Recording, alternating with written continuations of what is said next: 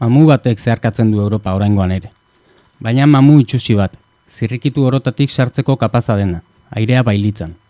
Oartuko zineten honezkero, airek irazdun eta astunaz.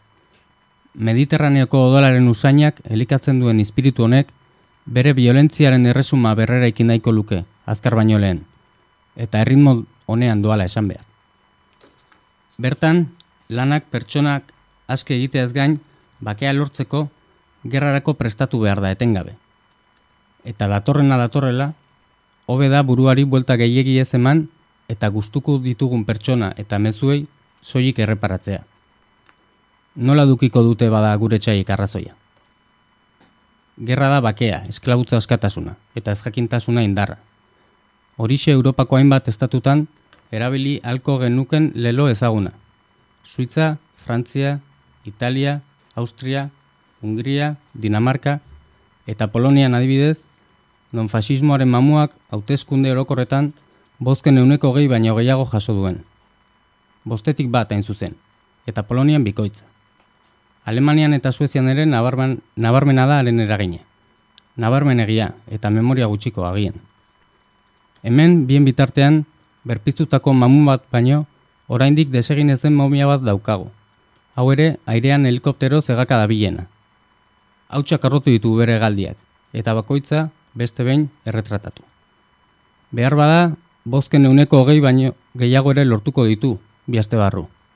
Tira, beti lortu izan ditu, bozken euneko hogei baino gehiago.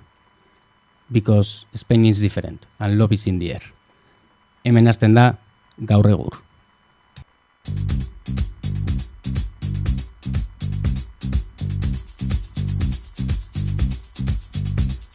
Love is in the air. Everywhere I look around. Love is in the air. Every sight and every sound. Guten Tag, meine Damen und Herren. of Muslims entering the United полном States. основании можно сказать, знаешь что? C'est la lutte contre le terrorisme. Katea ez da eten. Agirre, garaikoetxea, leizaola. Gaur egur. Gaur egur. Gaur egur. jolasten eta enredando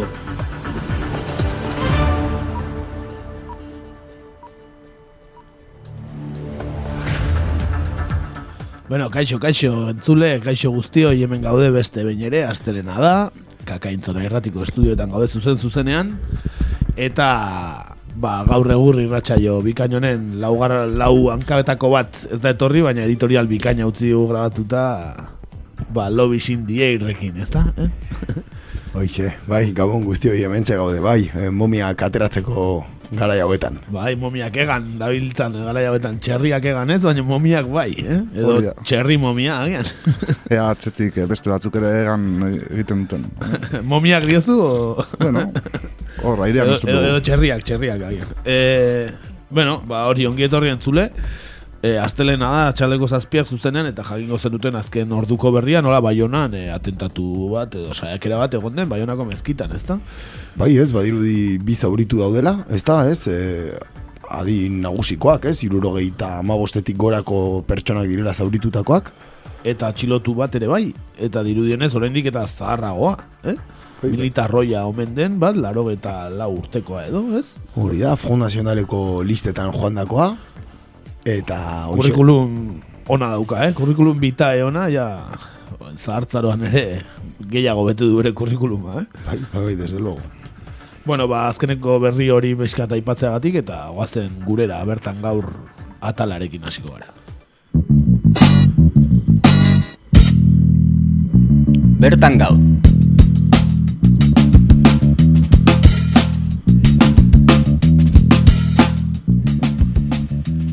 Aurrera, gure bertako sekzioarekin eta gaurkoan bertan gaur atalean eh, amarka hasierara joango gara, eh, 2000 eta maikagaren urtera, entzuzen ere. Eh, Euskal Autonomia Erkidegoan, ba, oi hartzu naundiri gabe, pasaden eh, ustelkeri kasu bat, izango dugu mintzagai gaurkoan, Urte honen hasieran arte, e, kartzelan, egon den enpresaburu garrantzitsu baten kasua. Aipatuko dugu, Euskal Autonomia Erkidegoko ogasunari diru gehien zor dion pertsona da bera eta. Javier Fernández, Javier Y-arekin. Agian hausi izango da. Euskal Igrekoa, ez da? Agian bai, Euskal Igreko famatuena, eh? agian eh, buk- bukatuko den bakarra, ez? Ni da, ez? Javier, esango du Javier ez da oso Javier, ja, ez, ez da oso ondo. Baina bai, Javier Igrekoarekin idazten du, ez dakigu zergatik, eh, garrantzitsua izateko, edo.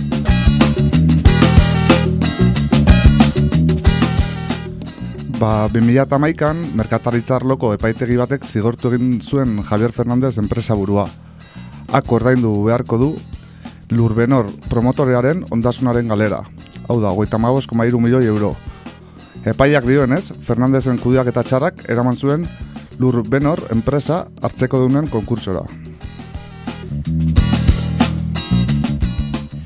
Eh, Javier Fernandezek bere aurkako epaiketa honen atzean arrazoi politikoak zeudela, esan zuen eta Euskal Alderdi jeltzareko buruzagi desberdinak. Kontu honekin nastu zituen.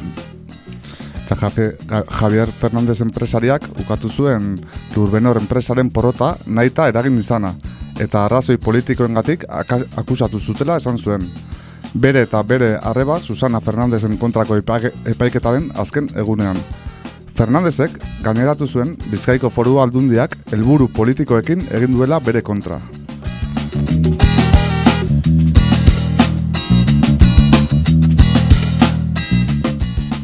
Beraz, ez, Javier Fernandezen kontrako asunto hau bendeta bat, ez? Ote den edo ez, eh? argitzek eh, dago. Eh, bueno, lehenengo gauza, zertan datza eh, lur benor kasu honek? Bai, ze ez da oso entzutetsua izan ere ez? Ez, ba ez, ba, kontua hasten da Puerta de Bilbao utxe egin zuen proiektu batekin, ez? Eta ba, hori hasi zen barakaldon egin bartzuten hola etxe bizitza pilo bateko proiektu bazen Puerta de Bilbao, ez da, Bilbon ondoa, ba, ba, imaginatzen dugu, ez da, Bai. zer dan, ez? Bueno, ba, azken unera arte egon zen, e, eta azke, azkenan ez zuen aurrera egin, ez? Ben inbertsio bat eta egin da, ez? Eta ba, lurben horrek e, La Caixa eta BBKari diru eskatu zion, ez? Kasu hauetan egiten den bezala, ba, lur sailak erosteko etxe hauek eraikitzeko. Baina nola proiektuak ez zuen aurrera egin, ba, lur sailak itzuli zituen kitatzeko asmoz, ez? Dazion de pago esaten dena, ez? Bai, Onartzen ez duten hori, ez? Hipoteketan eta jendean etxebizitzetan. Bai. Ba, BBKak eta La Caixa onartu zuten dazion de pago hori ematea, ba, Javier Fernández buru zuen enpresa honek. Kontxo. Bai, kuriosoa, hortan Bai. bai, ezta? Baina kontua da, Javierrek bazekiela ezingo ziola kostu horren bezaren, ez? Bezaren ibaren e, gastuei ezingo ziela aurre egin. Eta orduan eskatu zion, bueno, diputazio hori eskatu hartzen Bizkaiako diputazioari e, atzeratzeko bezaren ordainketa hori. Bai. Eta EAJ-ko buruzagi ospetxo batzuekin bildu zela dio berak, e, atzerapen hori legez kanpoko edo bueno, atzerapen hori eskatzeko eta berak dio lortu zuela eta traizionatu egin zutela. Hala dio berak. Jo, traizioa hitza potoloa da, ez? Normalik lagunek traizionatzen zaitu, ez? Bueno. Ez, ez etxaiek. Ez dio, ez dio, ez denik laguna EAJ-ko buruzagi hauena. Eta ze traizio egin zioten Javier ba? Bueno, ba, Javierrek Y-arekin, Javier dio EAJ-ko buruzagiekin akordio batera itxi zela, e, zor zuen diru kopurua zegokion bez hori, ba, ordaintzega, ordainketa atzeratzeko esan bezala, ez? Baina bere ustez, ba, Jose Luis Bilbao, goratuko zeate, ez da, diputatu Bai, no. nagusi bizkaikoa, ez? Ba, buru zuen bizkaiko diputazioak, e, ez zuen bere hitza bete, hala dio Javierrek, eta epaitegitara eraman zuen bere kasua. Guzti honekin, ba, EAJ-ko buruzagi gorrantzitsu asko e, sartu ditu, kontu honetan, nahaztu ditu, e, Javierrek, eta e, dirudienez, ba, egiteko era argi bat erakusten du EAJ-aren barnean, ez? Nola enpresari bat biltzen den ba, buruzagi batzuekin, benetan buruzagi ospetxoak, orain aipatuko ditugunak. Bai, ez, izen gehiago daude. Bai, daude bai, buruzagi bueno. izen gehiago. Ba, bai, ezin garrantzitsua ba, gainera, ez da kontu ilun honetan eh, nahaztuta, Bai. lehenen gizeta behin, inigo urkullu lehendakaria, bera. Ene bada, ene bada, bueno, bueno. Benetan bikaia, kontua. E, kontua da, eh, beste bat, Andoni Hortuzar, Euskadiko, Euskadi buru batzarreko buruzagia dena, ez da? Jose Luis Bilbao, Bizkaiako diputatua, aipatu dugun bezala, Joseba Aurreko etxea, EAJ-ko buruzai garrantzitsua dena, ez da? Bueno, Javierrek eh, esan zuen akordio hauek aurrez aurre egin zituela, hauekin, eta lehen kontaktua Joseba Aurreko etxea eta Andoni Hortuzar berberekin egin zuela Portugaleten. Ene bada. bilera hartan EAJ buruzagiek e, Jose Luis Bilbaorekin kontua konpontzeko konpromiso hartu zutela esaten du Javier Fernandezek, eh? Hortuzar eta horreko etxeak, eh? Konpontzeko Jose Luis Bilbaoekin konpromiso hartu zuten. Bai.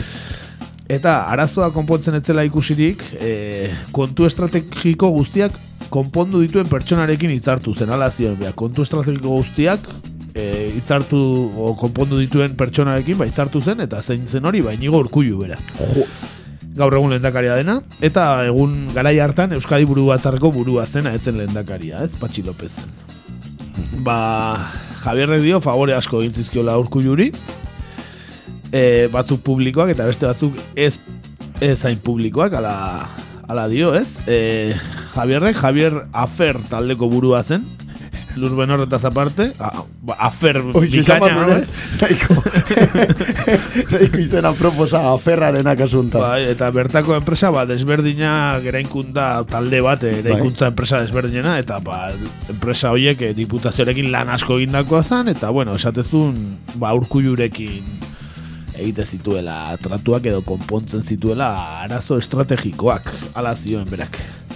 Kasu hontan, eh, Javierrek berak dio areatzan hitzartu zuela urkullurekin eta bertan bi eskakizun egin zizkiola. Gaur egungo lehendakaria denak Javierri.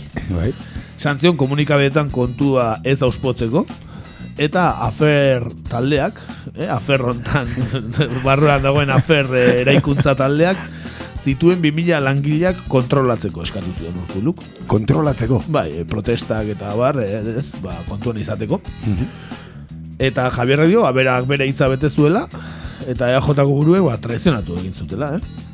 Gaineratzen du diputazioak bertan bera utzi zuen a, adibite, enpresa afer taldeko adibiteren kontua beste enpresa batekin zuen hitzarmena ere, ba, ez, e, adibiterekin diputazioak zuen hitzarmena ere atzera bota ziotela, dio Javierrek, ez? Hitzarmen hau gainea Alonsotegin e, e, etxe batzuk egiteko zen, eh? Goratu Alonsotegikoa dela urkullu lehendakaria bera, ez da? Benetan, historian agertzen diren hitz eta leku guztiak, e, geroz eta bikainagoak dira, ez? Bai, eta, de hecho, ez, eh, bueno, afer honetan agertzen dira EAJ-ko kupulako buruzagi guztiak. Bai, bai, bai, bai, bai. Guztiak, ez? Bai, ez, da, ez dago una errementeria, oindik lan egon gozala sindikatuta, baina beste guztia, bai. bueno, eh, kontuari helduz, bueno, adibite, ez? Kasu eh, kontu honekin, eh, gogora dezagun Jose Luis Bilbao, diputatu nagusioiak, eh, auzitegietan deklaratu behar eh, eh, izan zuela, ez? Aurtengo ekainean, baina epaiak atzeratu egin zuela, bere agerraldia. Bai, kurioso, eh? Bai. E, Bai, eta ikusmin handia piztu zuen esan bezala Jose Luis Bilbauk edabi- edabite kasuan egin behar duen deklarazioak Javier Fernandez enpresariak hogeita mar milioi eurotako kalte ordainak eskatu zizkion bizkaiko aldundiari epaiketa horretan. Eta Fernandez, afer enpresa taldearen buru zen 2007an, eta orduan sinatutako hitzarmenak ez betetzea leporatzen dio aldundiari. Etxe bizak, serian ere ekitzeko lantegi egitasmo zen adibite. Alonsotegin ezartzea zegoen aurre ikusia, eta bere garaian mila eta eun lanpostu sortuko zituela esan, zuen, esan zuten arduradunek. Adibiteren proiektua publikoki bultzatu zuten Bizkaiko aldundiak eta Bilbauk berak garai batean eta pizkanaka egitasmoa babesteari utzi zion Bilbauk. Eta eraikuntza sektoreko beste enpresari batzuen pr- presiopean epaitegietara eraman zuen Bizkaiko ogasunak Fernandez ondoren.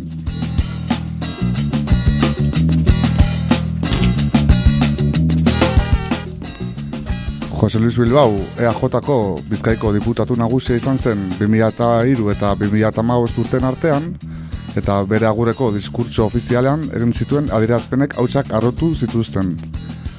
Iruzergile eta ustelei lasai egon zitezkela esan zien, bere memoriak idazteko asmorik ez zuela azalduta. Bueno, esan En este arranque de despedida, también quisiera transmitirles a los presentes y a los ausentes que pueden estar tranquilos porque nunca escribiré mis memorias. Memorias en las que podrían aparecer personas con sus grandezas y con sus miserias. Desgraciadamente habría muchas miserias. Los que decían una cosa en privado y la contraria en público, los que mentían sabiendo que mentían, los que sabían que nosotros teníamos información que luego no podíamos utilizar y jugaban con ello, los que decían una cosa y la contraria sin pestañear, los que hacían pagos con, con fajos de billetes sin demostrar su origen, los que tenían grandes sumas de dinero en paraísos fiscales y cuyos nombres no salen a la luz, los que han repatriado dinero de origen desconocido y que van por la calle como unos señores e incluso se permiten decirnos a los demás lo que debemos hacer y lo que está bien o está mal. A todos ellos, que saben perfectamente quiénes son, les digo que pueden estar tranquilos, al menos por lo que a mí se refiere. Yo nunca escribiré mis memorias.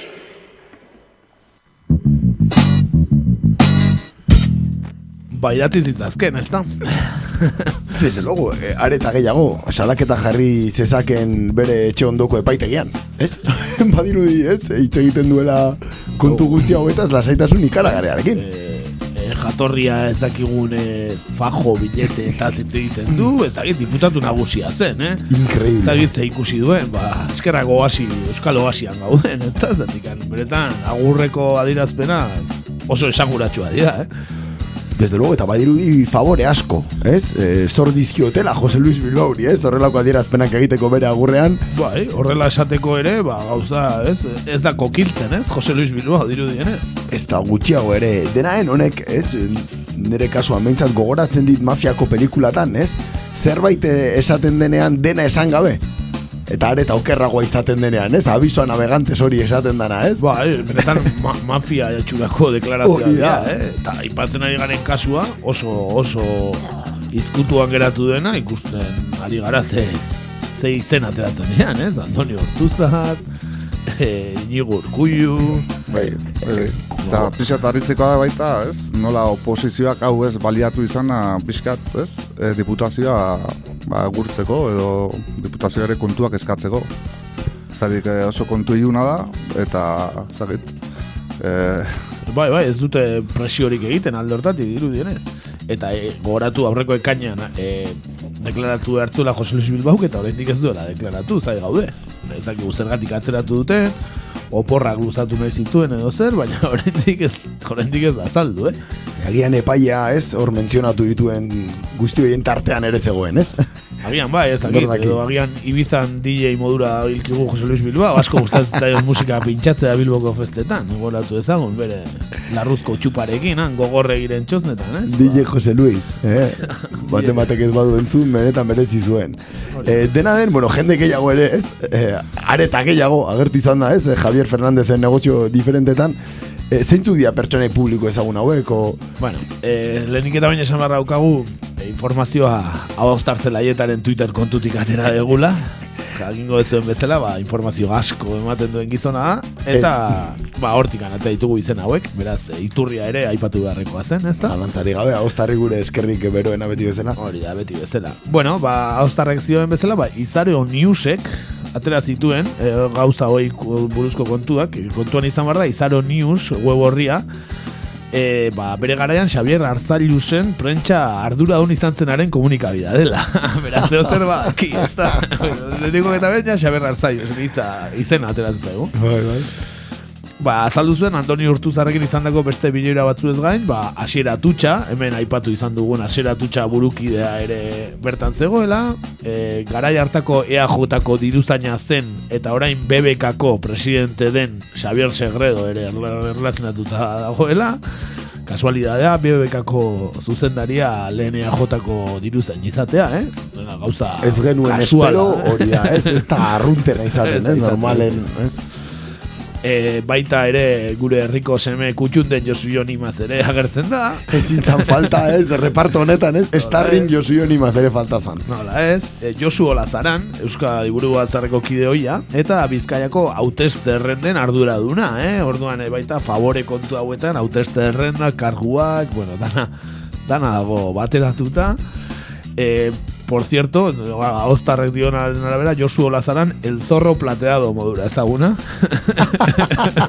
Ez dakigu zergatik. Baina, beretan, e, ba, goitize bikaina. Bai, musika talde izena dauka horrek, eh? El zorro Bai. plateado, ez? Bai, bai, bai. Eh, gero, Manuel Rodríguez, talde, enpresa, talde, enpresa talde bat, talde izenekoa, benetan originala izena, ba, orko kontseilaria da. Eh, Manuel Rodríguez, eta talde bat talde hortako presidentea, Jose Maria Zaldi Begoitia da, hemen ere hitz egin dugu bere buruz, eta EAJ-ko negozio gizon modura da ezaguna. E, agertzen da baita ere Enrique Guzman, e, EAJ-ko EAJ-ren urbileko bada eta ezaguna da Euskal Florentino Pérez modura. Horrekin ere dan esan dago. Noiz baita agertu da ere, ez, hemengo kontu ilunetan. Hori da, eta beste bat aipatzearen adibidez, ba, e, Javier Fernández Y-garekin ez, bera ez ega, finantza kontuak edo, ba, ez da, holka zen zizkiona edo, omentzen Fernando García Makua, aletik e, futbol taldeko presidente izan dako, eta EAJ-ko diputatu baten familiakoa, ere, ba, omen da Makua, García Makua jauna. Beraz, EAJaren inguruko jende asko, aletikeko presidente oia, konstrukzio, ez, eraikuntza enpresetako buruak, dena nahaztuta, dena Bizkaian, dena Bilbo aldean, bueno, ba, imaginatzen dugu nola di joan kontua, ez da? Esango genuke, ez, e, bueno, Espainiar medioetan erabiltzen den terminologiari jarraiki, ez, el PNV y su entorno, da? Bai, bai, su entorno financiero, eh? Efectivamente, kaso honetan. Ba, eta bueno, gehiago zeuden, eh, Panamako papelekin eh, erlazionatutako jendea, bueno, ez benetan, Euskal Oasia, ez? Oasia ez dutelako ematen beraien komunikabideetan hori buruzko informaziorik, ez? Denaen, ez, bai, bai, da estruktura bat, eh, dena ondo lotuta uzten duen, eta bakoitzak bere papera daukan estruktura bat ere, ez? Bai, Bakoitzak bai. bere funtzioa dauka, eta Bai, kasu hau berezia da, oso ezagun, izen ezagunak hartzen dirako. Beste azutan aipatzen ditugunen olako kasuak, ba, askotan ez dira hain ezagunak, ez dira, ez dakizien anaia, o lengusua, o ez. Baina kasu hontan, bueno, bueno, egia da Javier berak aipatutakoa dela, ez da informazio kontrastatua, ez berak bakarrik esaten du, baina, bueno, itxura dauka, ez dakit esaten dana, se paso de listo, edo lako zeo zer, ez? Eta, eta, eta azkenean traizionatu egin dutela, edo, ez? Ez dakit gehiagi nahi zuen, edo berak baino botere gehiago zuen beste enpresari baten interesen kontra egin zuen eta horregatikan kontu guztia, baina, bueno, gauza nahiko arraroa dirudi, eh? bai, gupida gabea da, ez? Finantzen mundua, areta gehiago EAJaren ingurukoa, ez? Hemen Bai. ikusi izan dugun moduan, beste askotan, ez? Atutxatarren inguruan ere komentatu genuenean, ba, bueno, ez? Horrelako estrukturak ere azaldu ziren, ez? Hemenetan, ez?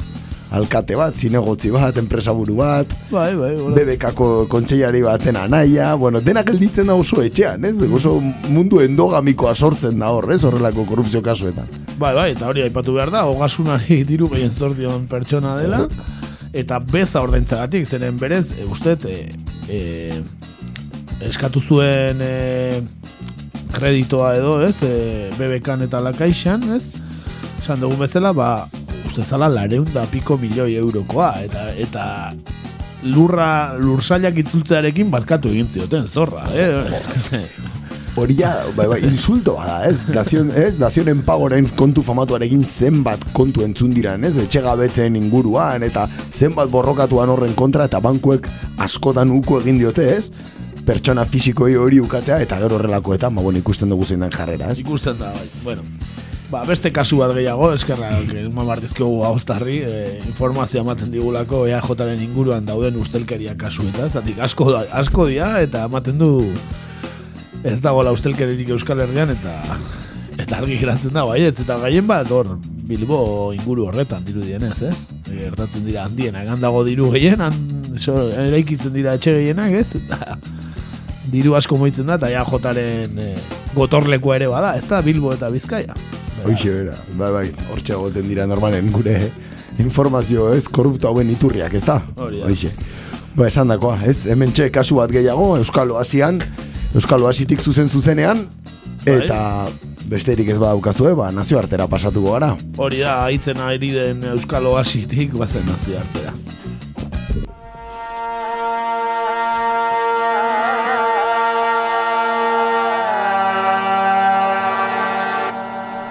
Nazioartean gaur.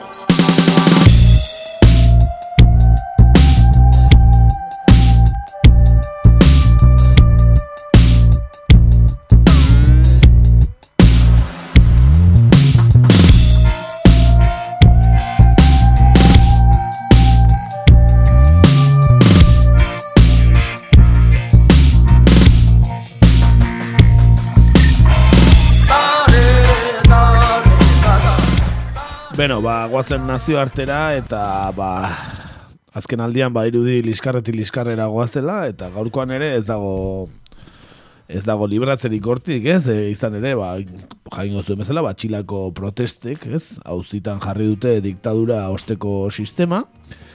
Eta aurreko estiralan Santiagon, Santiagon bakarrik hiriburuan milioi bat lagun irten ziren kalera protestetara, eh?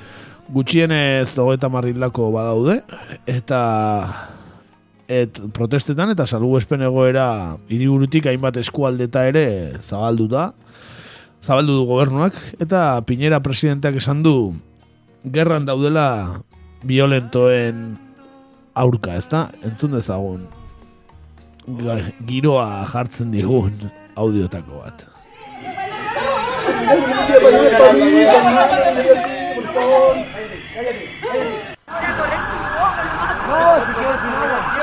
Ay, no, no, no, no, no, no, por favor. Ay, por favor.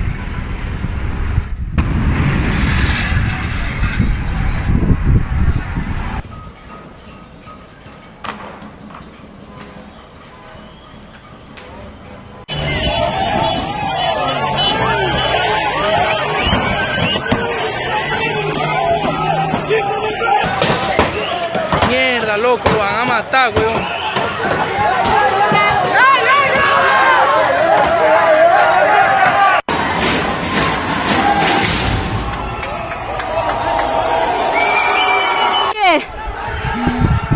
¡Weón! ¿Cómo pueden hacer esto?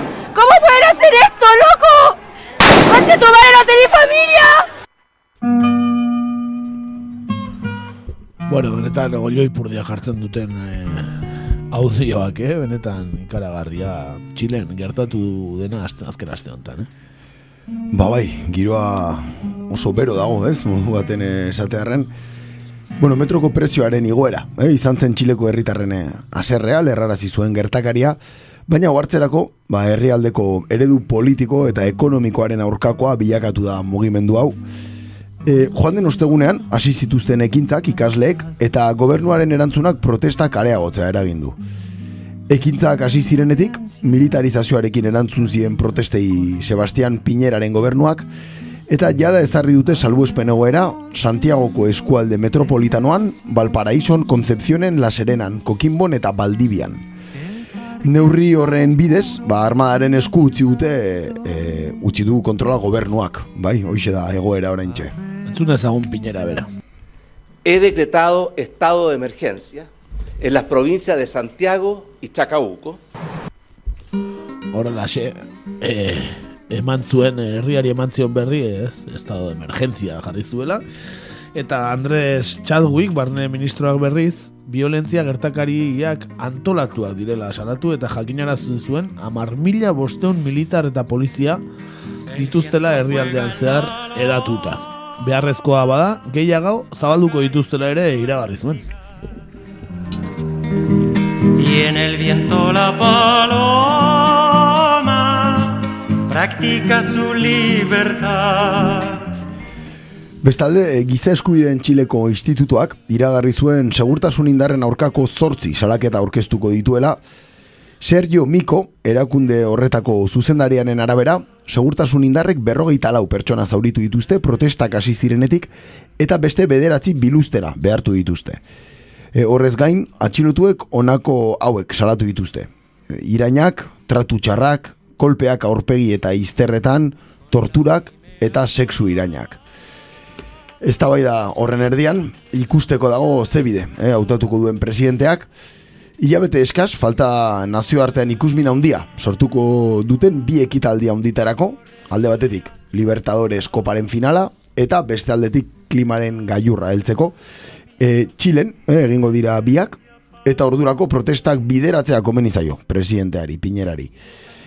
Kalean, dauden herritarren eta Txilen oso boteretsuak diren elite ekonomikoen presioei egin barko dia aurre, Piñera bera da, elite horretako kide abere, aberatzenetakoa.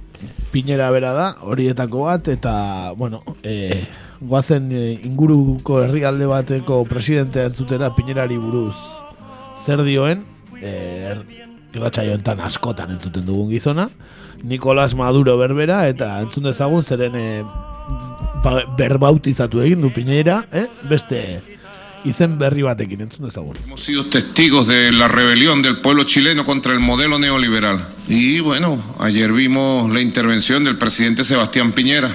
Le están diciendo a Pi Piñechet, a Piñechek, ya no es Piñera, ahora es Piñechek, Piñechek, Augusto Piñechek. Le están diciendo, ya no son los 30 pesos, son los 30 años. No, abajo en la profundidad de esa sociedad está la desigualdad, la miseria, el abuso acumulado de 17 años de dictadura pinochetista y de los años de democracia donde se mantuvo la constitución de Pinochet, donde se mantuvo el modelo represivo de Pinochet, el modelo educativo de Pinochet, la Fuerza Armada de Pinochet. ¿O no? ¿O miento? Bueno, ba ez dakigu, gezurra esaten arte du ba. Jakin, eh, guazen eh, agian eh, aurrekarietara ez, ea nundi gatozen eta ea arrazoik falta ote zaion maduro hori edo arrazoi osoa duen eh, pinotxetetik pinetxetera pasaote garen, ezta? Bai, labur peroson agindu Maduro, eh? azkeneko hogeita mar urtetako Chile zer izan den, eh? Eta, bueno, eh, aipatzaren ekonomikoki, Chilek Ego Amerikako herrialderik egonkorrena izateko ospea du, eta askok daukate doktrina neoliberalaren adibide arraskata, arraskatatxutzat. Protestek eredu horren atzean dagoena azalera dute, eta ez baian jarri Augusto Pinocheten diktaduraz geroztik herrialdeak duen sistema. Eta manifestarien salaketa nagusiak hauek dira. Herrialdeko ezberdintasun sozialak, aberastasun ekonomikoaren kontzentrazio handia, zigorri gabeko ustelkeria kasuak, eta privatizazioak nagusi diren sistema ekonomikoak eragiten duen prekarizazioa. Gainera, Txilen, arazo handia dira osasun eta hezkuntza sistemaren kalitate eskasa eta prezioa. Baita, gutxiengo etnikoek jasaten duten jazarpena ere. Maputxeak nagusiki. Hemen ezagunak ditugun maputxeak, ez da? Bueno, beti esan da Txile, ez, e, Pinochet sartu zenetik izan dela, bueno, FMI-ren, e, ez dakit, banko de pruebas, edo bintzat, e, Pinochet bera ere, ba, holkatzen zuten, e, ba, ez, FMI-ko buruek, edo, bueno, Chicago Boys, ez, eta hori dena, ez da? Bai, bai, esan bezala hori arazo hauetako asko estia berriak. Eh? Chicago Boys izenarekin eh, ezaguna zen eh, Amerikako estatu batuetako ekonomilari talde batek diseinatu zuen eh, Pinocheten diktaurako sistema ekonomikoa. Liberalismo ekonomikoa zen eh, haien eh, ereduaren, ba, bueno, ezaugarri nagusia. Eh, orain ikusten ari garen moduan tamalez. Garai hartako oinordetza dira, besteak beste gaur egungo pentsio eta hezkuntza sistemak, unibertsitatea adibidez, doakoa zen laro bat garren urter arte, dagoeneko ez da. E, azken hogeita mar urteotan, txilek izan duen e, egonkortasun ekonomikoa eredugarritzat hartzen zuten, bataz beste euneko biko inflazioarekin, euneko zazpiko langabezitasa, eta hogeita bos mila dolarreko barne produktu gordinarek, barkatu, hogeita bos mila milioi dolarreko barne produktu gordinarekin, Argentinakoa baina euneko hogeita bost altuagoa, baina askok ez dute erreparatzen Txileko herritarren euneko batak aberastasunaren euneko hogeita laua daukala. Bai? Txiletarren erdiak bestalde aberastasunaren euneko bikoma bosten jabe. Dira, hileko bosteun da irurogei dolarreko batazbesteko soldatarekin. Beraz hortxe datuak, ez? Ezi eredu honen datuak eh, argi esan da. Bai, ba, liberal guzti horiek hainbeste defendatzen duten eredua, hortxe daukagu txilen, eta ikusten dugu, ba, bai, e, batzuentzat oso oso eredu ona dela, baina beste batzuentzat, ba, beretako galburua, ez da? Ba bai, ba bai, tira ez, hortxe, hortxe haude datuak, ez? Gogoratu ezagun orduan nundi datorren kontu guztia, ez da, ba, Salvador Allende presidente zela, Augusto Pinochetek eh, joztuen eh, ba, estatu kolpe hartatik, ez da? Entzun dezagun Salvador Allende bera izketan. La base política de mi gobierno está formada por marxistas, por laicos y cristianos. Y respetamos el pensamiento cristiano cuando ese pensamiento cristiano interpreta el verbo de Cristo que echó a los mercaderes del templo.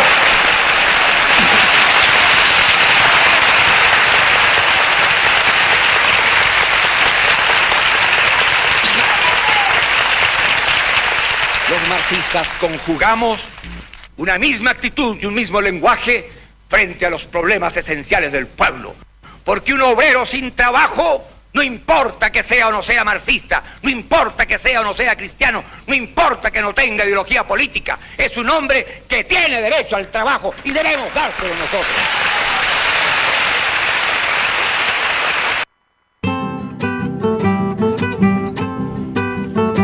Buruzagi gutxik hitz egiten dute orain horrela, eh? Salva horra jende, diskurtso honetan bezala, ez da? Claro, creo ez, bai esan dakoan, bai formatan, ez da? Bai hori da. E, ba, guazen, mila bederatzireun da iruro mairura, ez da? Augusto Pinochet Txileko armadaren komandantea buru egin zutenera, ez da? Urte horretako irailaren amaikan, e, Amerikako estatuetako CIA agentziaren laguntzaz, estatu kolpea zuzendu baitzuen, eta Salvador Allenderen gobernu demokratikoa eraitsi zuen gogoratuko duzuen ez, eh? Hortik aurrera Pinochet hartu zuten Txileko gobernuan, hasieran gobernukoa junta militarreko presidente karguan, ez egontzen Pinochet, gero ba, akizue, ba, aginte bete arazlearen jabe egin zela, eta nazioaren buruzagi gorena bihurtu zen, eta haren diktadurak, ba, mila behatzen da, laro marreko martxoaren amaikara arte iraun zuen, Patricio Aylwin, Txileko presidente bilakatu arte, ez da? Goratuko dugu, ba, nola, moneda jauregian, ez da, sartu ziren, eta salua horra bere buruaz beste egin omen zuen, eta hori dena, ez da? Bai, eta pizkat kontestuan sartzeko, ia behar zirun da irgoita maikara joango gara, irgoita maikako azaroan, e, Fidel Castro Txilen izan zen ogoita egunez, e, Pinochet, Pinochet bera izan zen armadaren ordezkaria eta Castroren bizitak ziaren aretak berpiztu zituen. Aienderen gobernua ekonomikoki desegun korketzeko. Pizka jarraitzeko, irugaita mabiko urtarrian, Pinochet eta armadako bigarren bruzagi goren egin zuten, eta gizartea oso polarizatua zegoen orduan, eh? Eta ekanaren ogoita behatzean, ja, e, irugaita mabiko ekanaren ogoita behatzean, tanketazoa izan zen, e, tanketazoa izenerakin ezagutzen den gertara. Roberto Superrek egitatutako bigarren erregimenduak altxamendu saiak eragin zuen eta Prats eta bere inguruko generalek lagundu zuen ura itzaltzen. Pikerrin, Sepulveda eta Pinochet. Jarraian, abuztuaren hogeita batean, generalen emazteek manifestazioa egin zuten Prats generalaren etxe eta ofizial batzuk ere izan ziren hartan irainak eta harriak bota zizkioten, eta Pinochet haiende eta ministroak iritsi ziren. Agutxio itzela izan zen orduan, eta desilusionatuta erabat, Pratzek Pinochet bitarteko hartuz, generalak lehi mantentzeko aldegina egin zuen. Baina gutxi batzuk besterik ez zuten hori egin eta komendantziaren buruz adikitza utzi beharrean izan ziren. Eta zer, eta Pinochet izango zen ondorengoa. Garai honetarako armadako kide batzuk estatu kolpea prestatuta zuten, Liderak Gustavo Leitz, aireko indarraren komandantea, eta Jose Torribio Merino, almirante ordea ziren. Azken hau, Pinocheten hartzarako laguna. Ganera, Zia eta Richard Nixonen gobernuaren laguntza zuten. E, tanketazo aurrera ateratzeko, ezinbestekoa zen Pinocheten laguntza, baina komunismoaren aurkakoa zela garbi bazegoen ere, inork ez zekien ziur hartuko zuen posizioa eta iraiaren emeretzirako prestatu zuten, eta Santiagon izango zen kolpe hori. Urrengo egunean, e, areiano generala joan zen Pinochetekin hitz egitera, eta honek jakin zuenean gobernuarekiko desadostasuna, ba, kolpeari laguntza emateko ba, asmoa adirazi zion. Iraiaren behatzean, Salvador Allendek hauteskundeak iragarri zituen egoera hartatik ateratzeko eta hori zabaldu aurretik kolpearen data aurreratzea erabaki zuten Pinochet eta konpainiak. Eta iraiaren amaikan izango zen, goizeko zeiterdietan, balpare izon eta zortziterdietan gainontzeko lekuetan. Pinochetek, gobernuaren junta militareko presidenteak, eta Jose Toribio Merinok, Gustavo Leixek eta Cesar Mendozak osatzen zuten ura. Ba, e, agintea, e, konzentrazio gobernu bat bezala egin zuten behaien artean, ez? Eta irrati eta telebista nazionalek eman zituzten ordenak. Alderdi politikoak galerazi, legebiltzarra desegin, eskubide zibil eta politikoak mugatu eta unidad populareko liderak atxilotu legala zelako. Hor sartzen ziren, bai alderdi komunistako kideak, eta bueno, haienderen gobernuan konzentratuta zeuden beste indarrak, ez? Haik, eh, haiende berak esaten zuen bezala, ez ziren denan komunistak ez da. Bai, Konfluentzia bat zen, ez? Hori da. Vale. Mhm. Eta ja pixkat amaitzeko, irugaita malauko abenduaren amazazpian, errepublikako presidente egin zuten e, Pinochet, eta e, Manuel Contreras deitu zion dinaren zuzendaritza antolatzeko. Erakunde hau izan zen, bitartean, giza eskubideak ben eta berriro urratuko ditu estatuak ez, dina izan zen bere inteligentzi eta represio zerbitzua. Eta Latinoamerikako beste herrialdeak ez bezala, Txilek tradizio demokratiko luzea zeraman, irugaita mairura arte. Eta militarrek oso guzitan hartu zuten protagonismoa. Ba, ikusi dugunez, e, hortik aurrera, ba, militarrek izan zuten e, protagonismo handia, ez? Eta pixkat e, laburbiltzeko Pinotxotek e, zera esan zuen golpearen ondorengo egunetan, ez? Eh, trataremos de hacer de Chile un país de propietarios y no de proletarios. Hortxe ez, intentzioa ondo lagurtuta. Bai, bai, propietarioa badareta. Bueno, proletarioak ere badaude ikusten danez, ezta? Bai, bai, bai, desde luego, eta ikusten danez ere ez, ba, bueno, Pinocheten, ez, oinordekotza hori gaur egun arte iritsi da, ez? Bai. Formatan eta edukian ere. De proletarios a propietarios pasatzeko lehen aipatu dugun eh, ba, reforma ekonomiko horiek ekarri zituen eh, Pinocheten diktadurak, ezta? Bai, biztazoa bota diezagun, bai, e, hori errepresio politikoarekin batera esan bezala, ba, erreforma ekonomiko ugari, eh, izan ziren. Eta arrakasta ikusi zen berehala, bai, hiperinflazioa bertan bera geratu zelako. Pinochet, esan bezala, Chicago Boysen esanetan e, egin zuen so, Milton Friedman eta Chicagoko eskolatik etorritako ekonomista neoliberalengan alegia. Xoka aplikatu zen, gastu publikoa euneko hogeian murriztuz eta langile publikoen euneko hogeita marra kaleratuz. Beza igo eta enpresa estatalen gehiengoa privatizatuz. Chicagoko eskolaren ABD-a, ezta? Uix, esan barru, bai, eh? manualean agertzen diren pauta guztiak. Bai, bai, e, benetan, bueno, hor, izan daiteke, esan daiteke, ba, lehenengo aldiz esportatu zena, ez? E, Chicagoko talde honen, e, bueno, e, eredu ekonomikoa edo, hau, hau izan zela, ez? Lehenengo aldiz esportatu zena, ez da? ikusten dugu, errekurtso handia dituen herrialdea izan arren Txile, ba, nola onurak ez diren beraien biztan lehentzat, ez da? Handi de luego. Bai, hau e, baita e, muga bat izan zen e, demokrazia modernoaren historian, eta bueno, baita beste hainbat erakunderen pentsamenduan, zatik e, haienderen e, sozialismo edo marxismo eredua esaten zen zala, bueno, e, desberdina, un socialismo de Chile, el comunismo bueno, e, humano bezala e, deritzoten askok, eta ondoren ba, e, jasan zuten errepresioa, eta bueno, estatu golpearen ondoren, ba, e, asko ja, e, pentsatzeari utzi zioten, posibilea izango zela horrelako sozialismo humano bat, ez? Eta horrek ekarri zuen, ba, Europako ekialdeko beste herrialde batzuetan, ba, e, e, sozialismoarako bide hori pixka bat gogortzea, ez? Sobietar batasunak, adibidez, bai, Brezhnev beraren bitartez. Bai, ez da, horrek, ez, e, mugarre bat izan zen, ez, haienderi gertatutakoa, ez, la via txilena edo deitzen zan hori, ez, oso gauza singularra zan, e, bai planteamenduen gatik, eta bai berak proposatzen zituen neurrien gatik, baina egia da horrek ere, ez, hortik aurrera konfiantza gutxi gelditu zera bide demokratikoetan, ez, sozialismora heltzeko bide demokratikoak erabiltzerakoan, ez, eta, eta nik uste dut horren ondoren etorritako ba, mentalidade edo filosofia aldaketa ezkerreko mugimenduetan, bai, e, ba, asko, bueno, haienderi gertatutakoak, ba, zer ikusia handia eduki zuela, ez? Mugimendu gerriarietan, bai Ego Ameriketan, baina baita Europan ere, ez?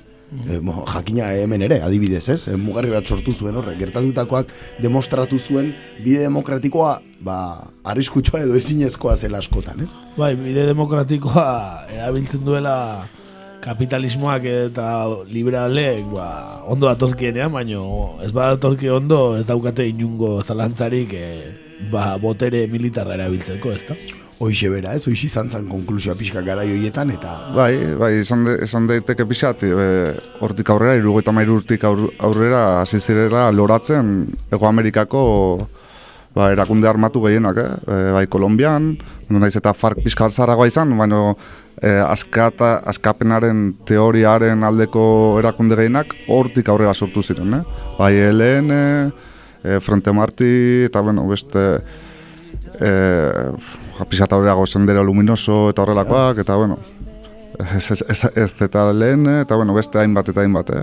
Eta oinarria nik uste hor egontzera, ez? Plantamenduaren oinarria e, bertan, ez? Izan zela, haienderi gertatutakoan, demostratu zela. Bai, bai, zatik hortik aurrera, pentsa apaizek ere armak hartu zituzten hainbat kasutan, eh?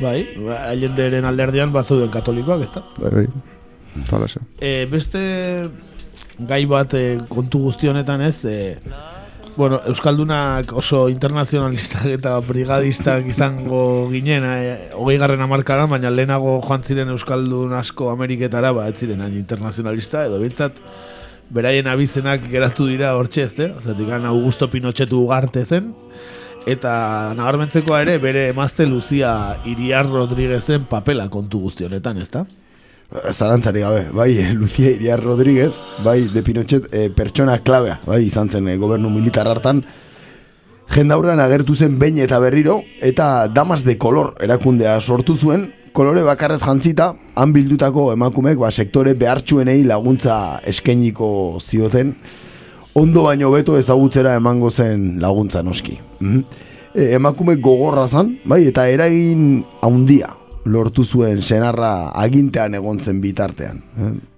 Hora, zor ditugu Pinotxetu arte eta Iriar Rodríguez, ezta? Euskal jatorriko abizenak dituzten, eh? Senarre mazteak, ba, Txileko botere du nagusiak izan zirenak, ez? Hortxe tandema, ez da?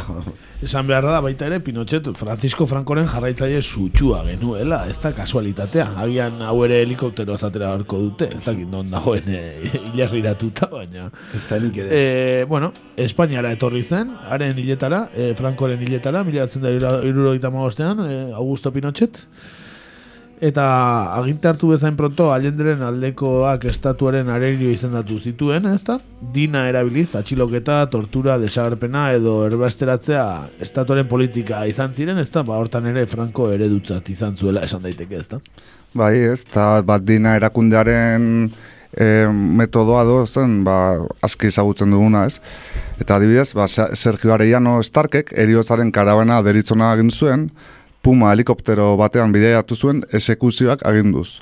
Horrela, desagertu ziren atxilotuak, Pisagua, La Serena, Kaukenez eta beste hainbat lekutan. Agorpuzkiak itxasora bota edo militarrak bakarrik ezagutzen zituzten lekuetan lurperatuak izan ziren. Gero baita, atxibato sare zendo bat ere ezarri zuten, aurreko gobernuan komunista eta sozialista trazak eman zituen oro atxilotu alizateko.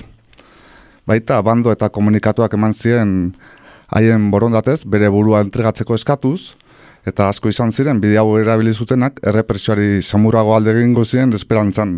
Naiz eta gero tradizio gutxe izan zen dena. Eta eunka txilitarek lortu zuten erretik alde egitea, baina bertan geratu zirenek errepresio gogora jasan behar izan zuten. E, zifrak aipatzearen esaten da, ba, 2000 eta eun hildako eta 2000 eta eun desagertu, tortura latzak, espetxeratuak, Eta bueno, eta retik informearen arabera, e, laro maikako da informe hori, diktadura garaian, iru mila eunda laro mazazpi biktima agertu ziren horietatik, mila eunda laro mabi atxilotuak eta desagertuak. Eta pizka bat, e, ez? Hori... Bai, bueno, ondoko herrian ere gertatu zena, ez? Argentina. ez? Bera, ez? Los vuelos de la muerte eta guzti hori, ez? Bai, estilokoa, bai, ez da? Hor dira, ez gogora ezagun irudi bat ez burutik endu ezin dena da, ez? Eh, Santiagoko estadioa bete zutenean, ez? Prisionerokin, ez? Dena, torturatuak, ez da? Bertara eraman, ez? Eta futbol estadio batean tortura zentro bat sortu zuten Santiagoko area metropolitanoan, ez? Bai, orain eh, Victor Jara izena duen estadio, ez da? Azpitik entzuten ari garena. Eixo, bera, guzta hundiz gainera. Eta, eh, Victor Jara ere bera, nola eh, latz torturatuz eta hiltzuten, eh? Bai, eriotzera ez da? Hori da, eriotzera nio jipoituz. Hala ere, bueno, badirudi badago hor beste historiaren zati bat, nun e, Pinocheten aurkako atentatu saiakera bat ere egon zen, ezta? Hori da, eta ba, hori, Pinochetek izan zuen e, bere aurkako eriotza saiakera bat, hori e, mila bederatziren eta larogeita zeiko iraiaren zazpian gertatu zen, eta baliteke Txir- Txileko historia moderneko ba, ekintza, hola, aipagarrena izatea, eh? E, ekintza burutu zuten e, taldeak, e, Frente Patriotiko Manuel Rodríguez izenez ezagutzen ziren erakundekoak izan ziren, e, pixka bat aipatzearren, e, erasoa e, esan bezala frenteko militante horiek eraman zuten, e, eta e, bost hildako, Amerika zauritu, baina e, Pinochet bera ez zuten lortu erailtzea. Eta pixka bat, e, operazio hori, e, operazion siglo XX izenez, edo patria nueva izenez, e, ja, bueno, bataiatu zuten, eta guztira hogei bat e, militantek parte hartu zuten, Ferrente Patriotikoko militanteak, eta baita beste hainbat laguntzaile izan zituzten kanpotik, ez? E, bueno, e, baita beti aipatzen da, e, Kubako gobernua eta Kubako inteligentzia ere tartean zegoela, ez? Zatik adibidez, e, Pinocheten inteligentzia zerbitzuko kide izan zen Jose Maragonek, esaten zuen e, kubatar e, desertorek esana, ba nola izan ziren frente, frenteko militante hauek kuban entrenatzen, ez? Eta gero, bueno, hortik atera ziren ba, beti bezala ez, ba, Pinochetek Castroi eta Castroren gobernuari kontuak eskatzen zizkien, eta bueno, bueno, baten bat egia esan, baten bat izan bali zen eh, Pinotetxi, Pinotxeti eta bere gobernuari gogor aurre egin zena, Kuba izan zela, eh? gara jaietan, eh? hori Beste behin ere, ez da? aipatu behar da. Eta beno, e, pizkaia labur bilduz, a, atentatua izan zen, Pinochet e, asteburuetan e, deskantzatzera joaten zen bere bigarren etxean, eta bueno, e, e, bere konboi bat e, osaten zuten hainbat eta hainbat autok, eta esaten zuten ezinezkoa zela jakitea e, zehazki e, Pinochet ze autotan joaten zen, eh? Eta, bueno, naiz eta bere autoari e, kainonazo batekin eman, eta e, bertan zea, eta e, bere autoan zijo zen danak hil ziren bere azik, eh? Hola. Go- gogorra, bai, bai, gustu, zu- zu- eh, zu- joa. bai, bai, eta izan zen, esaten dute, izugarrizko ekintza izan zela, eh? Gero, bueno, horrek ekarri zuen, iz- izugarrizko atxiloketa pila bat ekarri zituen, eta, bueno, baten batek nahi badu pixka bat e, zer gertatu zen mm, ikusi, ba, interneten badau informazio bikaina, eh? Eta hori, ba, pixka bat, e, hori, Bai, beti goratzen gara allendetaz eta eta Augusto Pinochet botere iritsi zen egunetaz, baina atentatu saiakera honetaz ez gara inbeste oroitzen, ezta? Eta e, guztira, ba, hori Pinocheten boste eskolta hil ziren atentatuan, eta amaika ba, zauritu larri ere izan ziren, eta atentatuak esaten denez, bost eta sei minutu artean irantzuen, eh, ekintzak, eh? Osea, imaginatu zer, zer izan zen, eh? Bai, bai, azkarra eta gogorra, eh? Kristona, kristona, bai, bai, bai, bai. Eta bera libratu. Bai, bai, eta bera libratu. Bera libratu eta gainera gero azkeneko garaian eh, ezaguna egintzen Pinocheten kontua, ba, Espainiako epaile Baltasar Garzonek atxilotzeko agindu eman zuenean, ezta? Txilen gertatutako hainbat Espainiarren eriotzagatik egin epaitu nahi zuela eta, ezta? Ba, ingalaterra bidali zuen ordena, goratuko zaten ez, hain baitzegoen diktadorea, ez? Ernia baten ebakuntza egiteko aitzakiarekin, ez? Oso oso gogoratuak dira argazkiak ez, be, Pinochet eta Margaret Thatcheran biak elkarrekin, ez da? E, oso lagunak zirelako. Erlazio bikaina zuten, bukaera arte gainera auki zuten. Bai, bai. Erlazio bikaina. Bai, haze, bikotea, eh?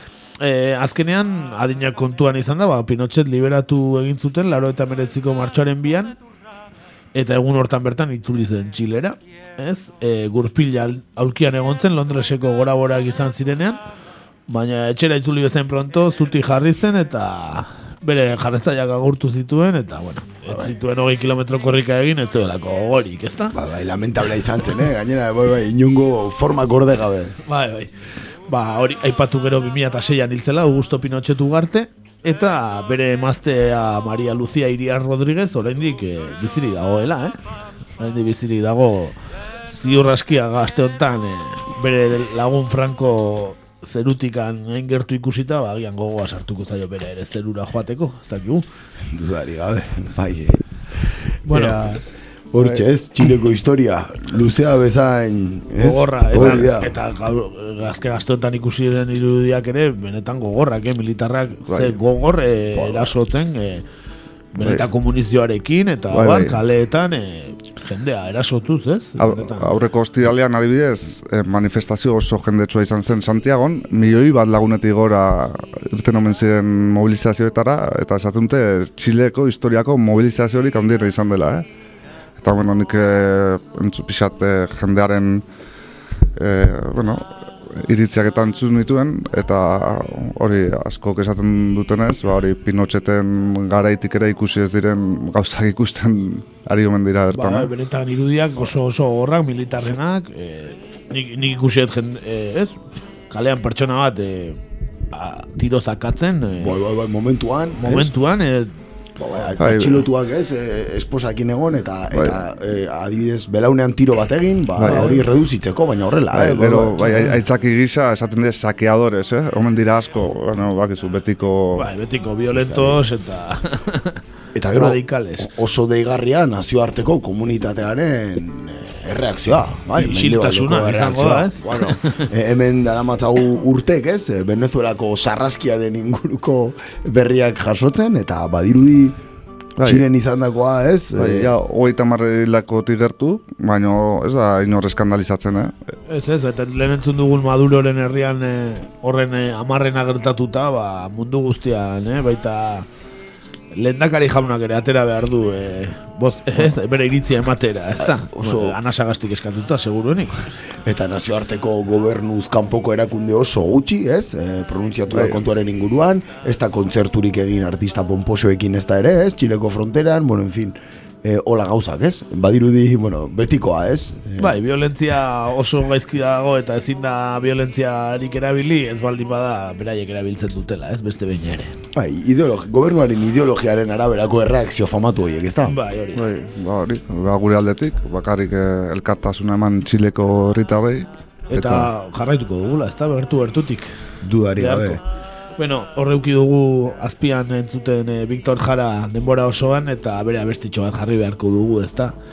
E, beste noiz ere jarri izan dugu, Victor Jara, baditu abesti ezagunak, baina gaur beste bat ekarri dugu, así como hoy matan negros abesti entzungo dugu, eta bueltan, bueltan gatoz.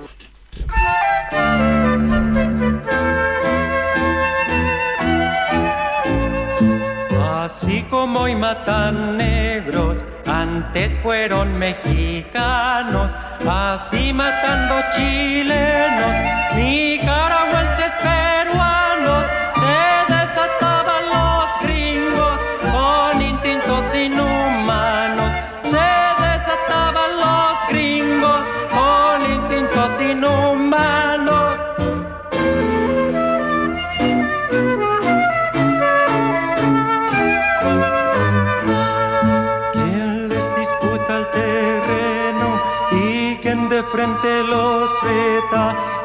les disputa el terreno y quien de frente los reta, es un bandido chileno, es nuestro Joaquín Murieta, es un bandido chileno, es nuestro Joaquín Murieta.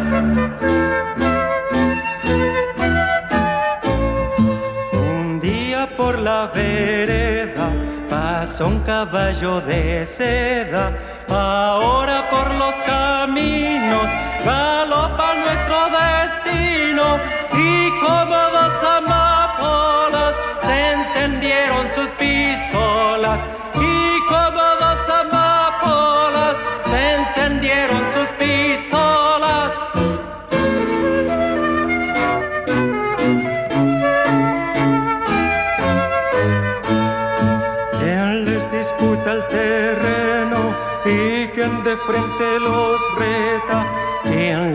disputa el terreno y quien de frente los reta, es un bandido chileno Joaquín Murieta es un bandido chileno, es nuestro Joaquín Murieta.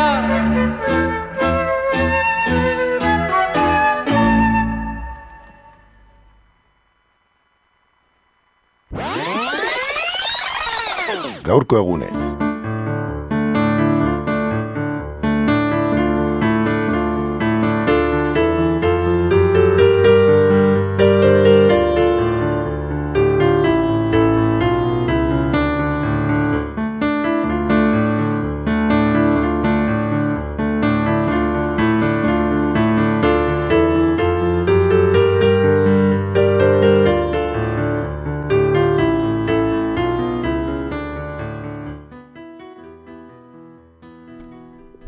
Bueno, babagoaz, eh, gaurko egunez gure atalarekin.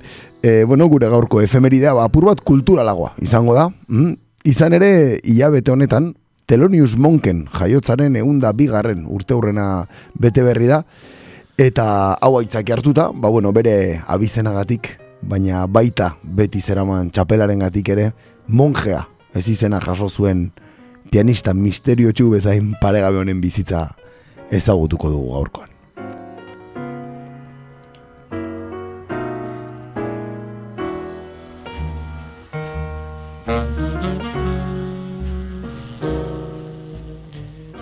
Telonius Esfer Monk, Ipar Karolinan jaio zen, mila bederatzireun eta amazazpiko urrian, eta jazz pianista estatu batua rospetsu bat izan zen.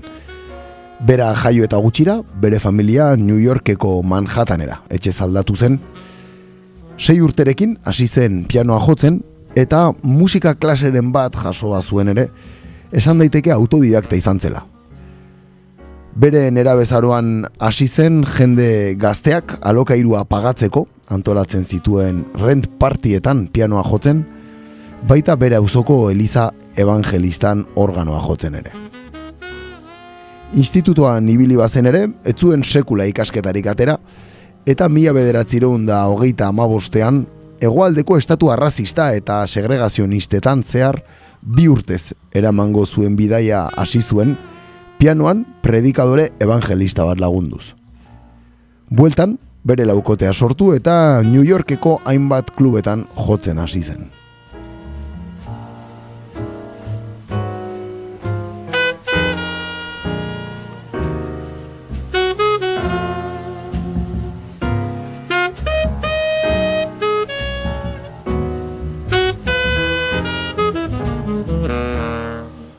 Mila beratzerun da berrogeita batean, Harlemko Mintons Playhouse Club mitikoan bertako etxeko pianista izateko proposamena lozatu zioten eta bertan aritu zen epe batez. E, klub hontan bere estiloa perfekzionatu eta bebop estiloaren sortzaile bilakatu zen, bertan ezagutu zituen beste beste Dizzy Gillespie, Charlie Parker, Mike Davis edo John Coltrane handiak.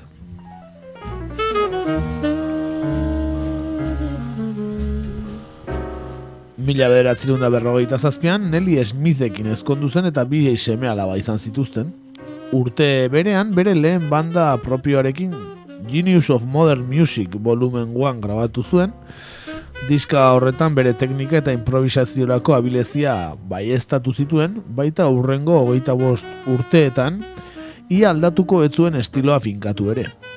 Amarnaka diska etorriko ziren hortik aurrera eta jazaren ere serki bihurtuko ziren hainbat eta hainbat konposizio.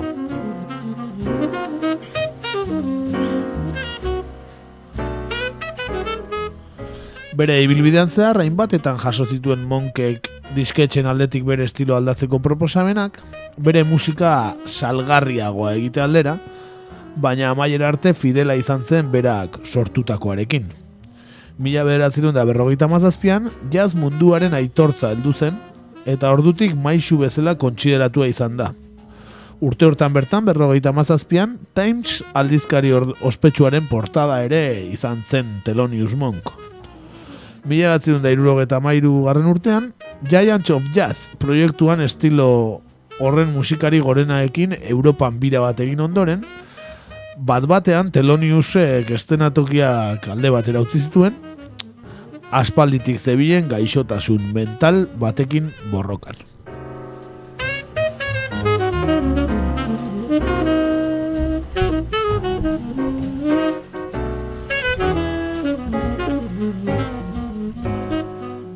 Musika utzi eta New Jerseyn, aspaldian ezaguna zuen Panonika de Koenig Barter, baronesak zuen etxe batera egin zuen alde.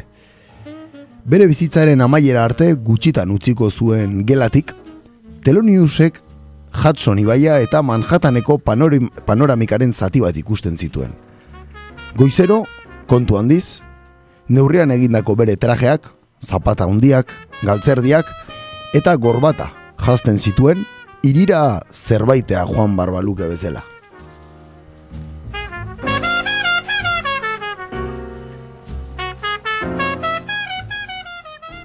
Prest zegoenean, berriro oean etzantzen zen.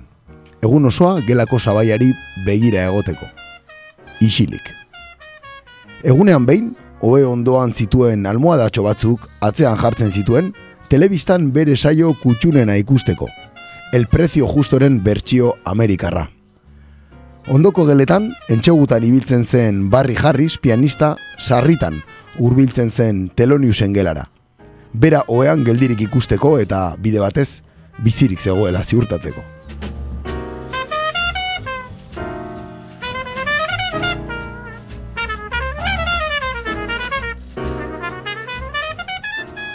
Noizbenka bere trajea jantzi eta etxe ondoan zegoen baso batera geisten zen ibilaldi bat ematera.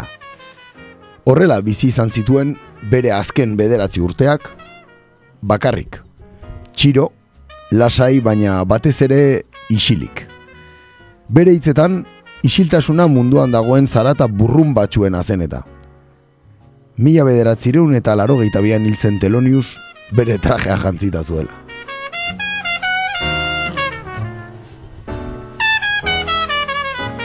Bueno, efemeride musikala gaurkoan, Telonius Monkekin, eh? Benetan, eh, pertsonaia bikaina, eh? Eta ezagutzekoa. Eta elegantea, eh? Eta elegantea bukaera arte. Telonius Monk. Hori da, bukaera arte, eh? Benetan, Ba, omen zuen... jazaren munduan ezaguna. Bai, ba, omen zuen estilo bat, ez? Pianoari lehenengo aldiz ematen zionean, jende guztiak zekien Telonius Monk zela, ez? Pianoa jotzen zuena oso karakteristikoa, ez? Bai, bai. Eta izen handiekin jotakoa, bera ere izen handia, eta besteak ere bai, noski. Honenekin eta bere berezitasun nagusia da bere estiloa sekula etzuela aldatu. Hogeita bosturte egon zen gauza berdina jotzen, esate baterako estilo berdinean, Eta oso deigarriak ere norbaitek eh, ez baditu ikusi bere disketako portadak. Bai, badago portada famatu bat, Telonius pianoa jotzen dago, eta denetarik agertzen da bertan.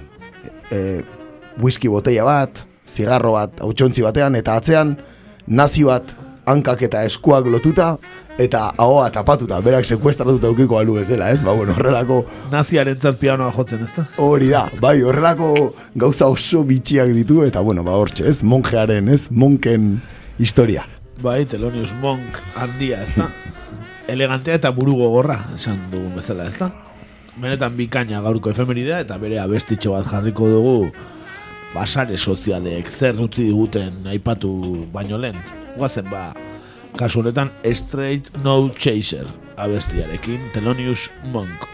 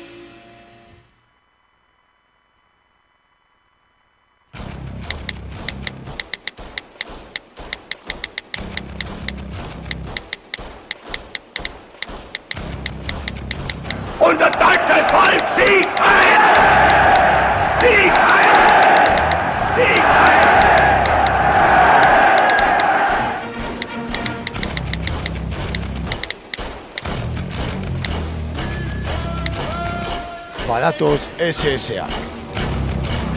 Sare sozialetan egur.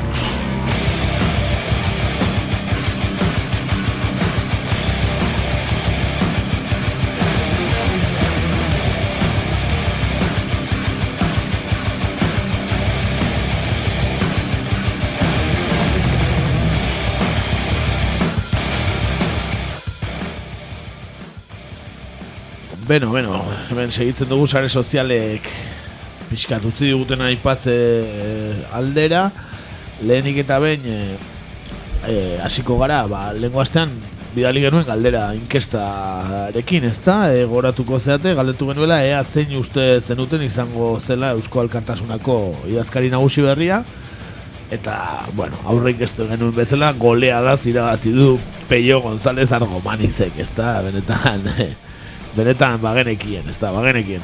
Oso maitea dugu herri hauetan, eta bagenekien e, bera bozkatuko zutela gehien, ez da? E, abantaia zuen, eh? Txeko, txekoak beti abantaia izaten du, eh? Bai, hala ere Euskal Kartasuna kulebroian, e, gaur e, Eba Blanco idazkari nagusi izendatu dute, ez da? Baina, bueno, Mayorga Ramirezek eta esan dute elegite oraindik jarrita dagoela eta ezin dela izendatu, beraz, bueno, jarraitzen du kulebroian, ez da? Ez omen duela zilegitasunik Euskal Kartasuna zuzentzeko. Hori da, hori da, ea, ea nola jarraitzen duen kulebroi honek urrengo denboraldian, ez da? Hitz egingo du berrari buruz bai, ez da?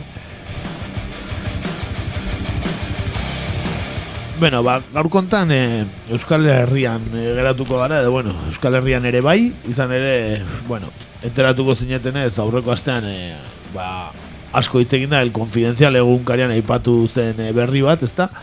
Esan ez, ba, Bartzelonako istiluetan e, zesta puntalariak zebiltzela, ez? Jendea zesta puntakin zebilela, ba, ez da gitze botatzen egia esan. E, harriak eta, bueno, ez da oso horrexea izango, zesta puntakin harria botatzen, ez badi oso borobila, baina, bueno, Ba, hori aztera zen, e, albistea hori izan zen, el confidencialen Antonio Fernándezek idatzitako albistea. Manual antisistema para Barcelona izenburupean, eta deci, decid siempre que ha sido brutalidad policial. Eta ja, aipatzearen, eh, olakoa zioen. En Barcelona, esta semana, aparecieron también guantes de cesta punta, los utilizados para jugar a la pelota vasca. Este tipo de herramienta no la puede utilizar cualquiera, sino que se ha de ser un experto. De hecho, guantes así eran utilizados en la Cale Borroca, la Cale Borroca vasca. El efecto que tienen es muy lesivo. Una piedra o una bola lanzada con estos guantes llega a una velocidad enorme. La utilización de estos guantes, según fuentes relacionadas con la investigación de los alborotos, puede deberse a la participación de profesionales de la lucha callejera con experiencia del País Vasco. Y no hay que olvidar que en edificios ocupados se impartieron durante años clases de guerrilla urbana por expertos llegados en buena parte del País Vasco. Benetan asko daki Antonio Fernándezek, eh? Jo, herri kiroletan aditua, eh? Inorrek baino gehiago, esan daiteke. Gene ba- esan bai, nork ez ditugu ikusi irudiak, ez? De Donostiko bulebarrean eta Bilboko aldezarrean, ez? Esta punta Zu- Zuriz, zuriz jantzita, eh? Zuriz jantzita, bai, bai. Ba, ba, baita antidisturbioak, ez? Pelotak zesta puntarekin botatzen, ez? Ertzaintzako antidisturbioak. Bai, hola asizian, gero erosi dituzten eskopetak, baina lehenengo ertzaina berak ez esta puntarekin botatzen zituzten Xe bera, ez? Bueno, orain enteratu da, ez? Eh. Antonio Fernández, bueno. Hori da, bueno, kristonarra zalaparta sortu du, ez da, sare sozialetan, ba, bueno, adibide batzuk ematearen, saguzarrak esan du, aja, hau oso, nada, nork ez dakiz, ez da punta kirola eta kasmatu zuela, ez da, adibidez. Eh, gero mundu guztira esportatu zen, ez da, frontoietara, Miamira eta dana, ba, etak sortuta gero, ez da. Gari otamendik eh, Bartzelonako kaleetan mila cien gorrien alde, eta antzekoak entzuten dira egunotan, adibidez, ez da. Goio arana korrela jarraitu ez gero ez, da dena sartuko motxilan, koktelak, motozerra, garbigailua, zesta punta, eh, no, zein jungar da barrika da, enbeste eta estoki. Trailer bat behar dezu, hor, manifestaziora juteko. Hori da. Gorka berezi hartuak adibidez baita ere esan du polizia katxin uri arte eta inaki osagoiko atxeren bila da bilela Bartzelonako instituen gatik. Gaur e, e, Gernika astelena bakizue urriko azken astelena ba, partidoa zegoen, e, bastante partido famatu izaten dena, ez dakigu, agian polizia agertu den, e, ba, norbaiten bila, ez? Ba, Bartzelonan ibili den baten baten bila, e, Kataluniatik jende asko etorri omen da partida ikustea, orain modan dagoela, eta... Ba, ikaste, ikasteko asmoz, ez da, teknika, eta esaten duen bezala profesionala izan barra dago, ez da puntan ibiltzeko. Ez dakiena da, hemen, e, umetan e, perlaneko boteekin, ez? Suavizante boteekin jolasten genuela, eh? hori, hori zen, izan zen arrobia, ez da? Oitxe, hola, hola azten da, eh? Hola azten da. Hola azten da, eta bukatzen Bi da. alaietan han bukatzen da. Hori Eh? da. Barkatu, eh? Agobio txiki bat daukat. Eh, ziurtatu iazue, artikulu idatzi duen Antonio Fernández, ez dela Javier Fernándezen ezerrez, Ez, mesedez. ez, da izango, agian, baina ze, Javier, eh, gaur aipatu dugun Ba, Javier. eh, Javier Fernández. Ez, ez, ez dakit. Ez dakit. galdera moduan, Agian eh? kupeko David Fernandezen zeo zer izango da. Ah, vale, vale. Dena etxan gelditzen orduan, ez? Fernandez tarrak bakizue familia handia dira. Bera. Eh, bueno, eh, ba, galdera honi buruz egitea aipat, pentsatu dugu gaurko hontan, ezta? Zergatik ez, ba, guri okurritu zegun galdera izan da, ea zein beste herri kirol esportatu dezakeen eh, Euskal kale borrokaren industriak, ez? Zeren Euskal kale borroka ja industria bada, ja. Profesionalak eta nare, artikuluan esaten daude, duguan, ez? enpresak daude, ez? Eh, nola dia, bain, startup, startupak, ez da? Lan, lanbiden, de hecho, kursio batzuk ja hasi dira ematen. Bai, ez da punta. Irtenbide profesionala pixka bai, ikusita mundua nola dagoen, bai Txilen, bai beste toki batzutan, eh, benetan irtera handiko profesioa izan daiteke, ez da? Etorkizunera begira. Bai, era bat imaz de masi, ez da?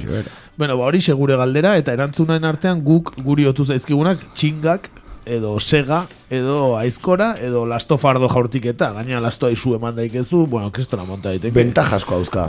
Sardeakin, lastoa bota, bueno, Ba, horixe, hori gure galdera eta ba, gizue beste dozin herri kirol ere izan daitekela, eh? kaskara jokua edo ez dakit, eh, edo zein gurdia eramatea, bueno, zein, zein herri kirol esportatuko dugu, ba, jakin nahiko genuke, hortxe joan da galdera eta erantzunen zai geratuko gara, horixe zen gaur geneukan gaia sare sozialetan, baina jendeak gehiago jakin nahi du Winston birakatxari buruz. Gauzak diren bezala. Normala, ez, bai, nahiko kezkatuta gaude azken aldi horretan, ez? Bai. Egia esan bai. Bueno, ba, Wistonekin kontaktuan izan gara eta benetan gaizki pasitzen ari da, gure kolaboratzailea, berriz ere esan behar daukagu. E, aipatu genuen mehatxua jasan dituela, eta mehatxu hoien iturria zen izan daitekeen ere jakin dugu. Benetan. Benetan esklusiba da, hau, eh? E, Minariño izeneko alderdiko burua den Jon Rojas Cabrera egon daiteke atzean. Jakin izan dugunez, Nariñoko departamentuko gobernadoretarako hautagaia, Jon Rojas Cabrera, ba, urriaren hasieran, hilabete honen hasieran, prontxaurreko batean, galdera zirtolari bat egin zion gure Winston Birak atxamaiteak, ez da nola ez, galdera zirtolari bat zer egingo zion ba. Beti bezala. Eta ba, galdetu zionea zein zuen, zein erlazio zuen Victor Rivas ait- hautagai oiarekin, e, ba, azken hautagai hau ikertua izaten ari bai da ustelkeria kasu desberdinen gatik, ezta? Bueno, ba, Jon Rojas Cabrerak pentsaur, prentxaurrekotik bota egin zuen, Winston Birakatxa, gure kolaboratzailea. Bueno. Eta honen ondorio, etorri dira, ipatutako mehatxu hauek ere. Beraz, adi jarraituko dugu kasua, baina ikertzeko da Jon Rojas Cabreraren ibilbidea, ezta? Hau, gauza serio eta zareak, ez? Bai, bai, bai. ez? Prentxaurrekotik kaleratu eta ondoren jaso zuen mehatxua hemen bertan irakurri genuena jaso zuelako Wistonek. Hori da, bentzun ezagun Jon Rojas Cabrera eta badaukagu oraindik esklusiba bat gehiago. John Rojas Cabrera hizo un balance de su campaña. Asegura que su independencia le ha permitido recibir importantes adhesiones políticas.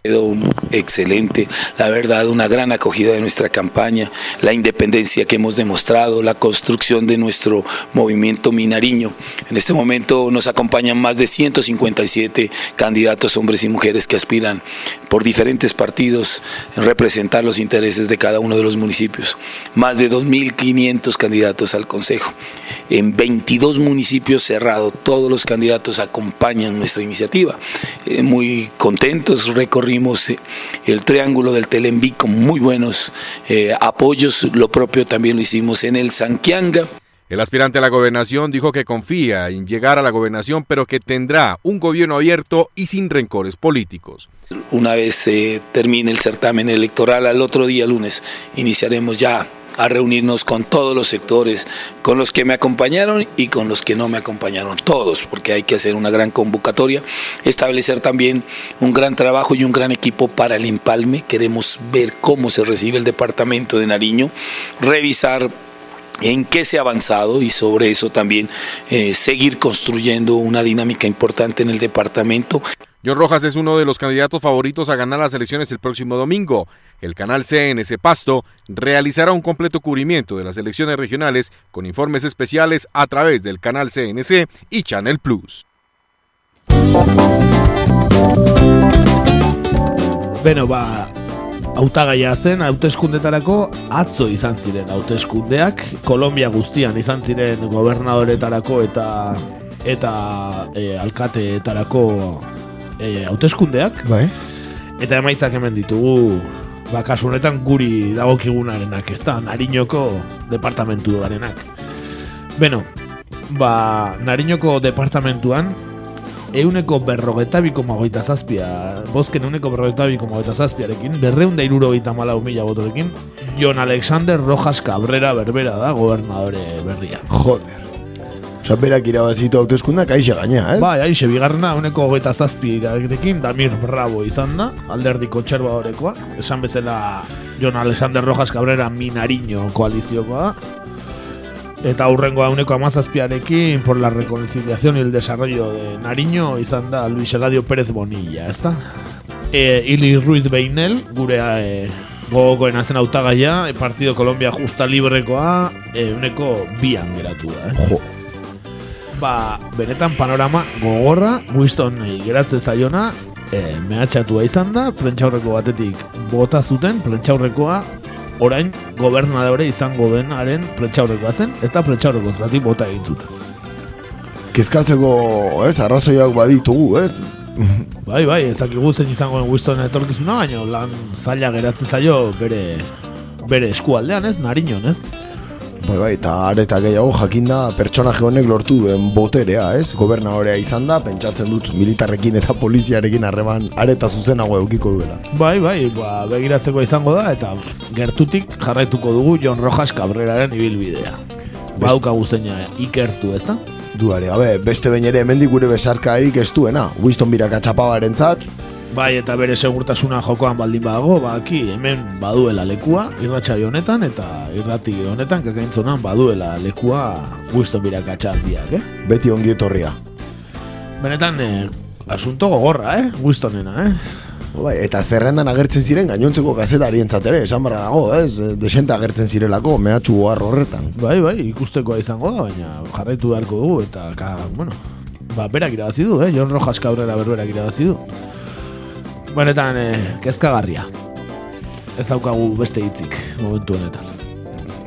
Hortxe, ez, egoera, eta, bueno, gertutik jarraituko dugu, eta hemen ba, berri emango dugu nola ez, ez? Hori da, hori da. Ba, ba albiste latz honekin, eh, bukatzen dugu gaurkoan, eh? Abestitxoa jarriko dugu, eta besterik ez agu, agurtzea bai, baizik, eh, abestia ekarri duguna inoren eroni taldea izan da, eta eh, nola e, hitz egin dugu diktadore batetaz e, oean hiltzena, Pinochet, beste batetaz ere hitz egin dugu editorialean, Franco, ez, atera duna, hori ere oean hiltzena, ba, oean eta lasai abestia ekarri dugu, oean eta lasai hilda diktadore zarra, ba, abesti horrekin, agurtzen gara, eta datorren astean izango dugu elkarren berri entzule. Hori da, urrengo astelen arte eta gaiztok izan. No segi Agur.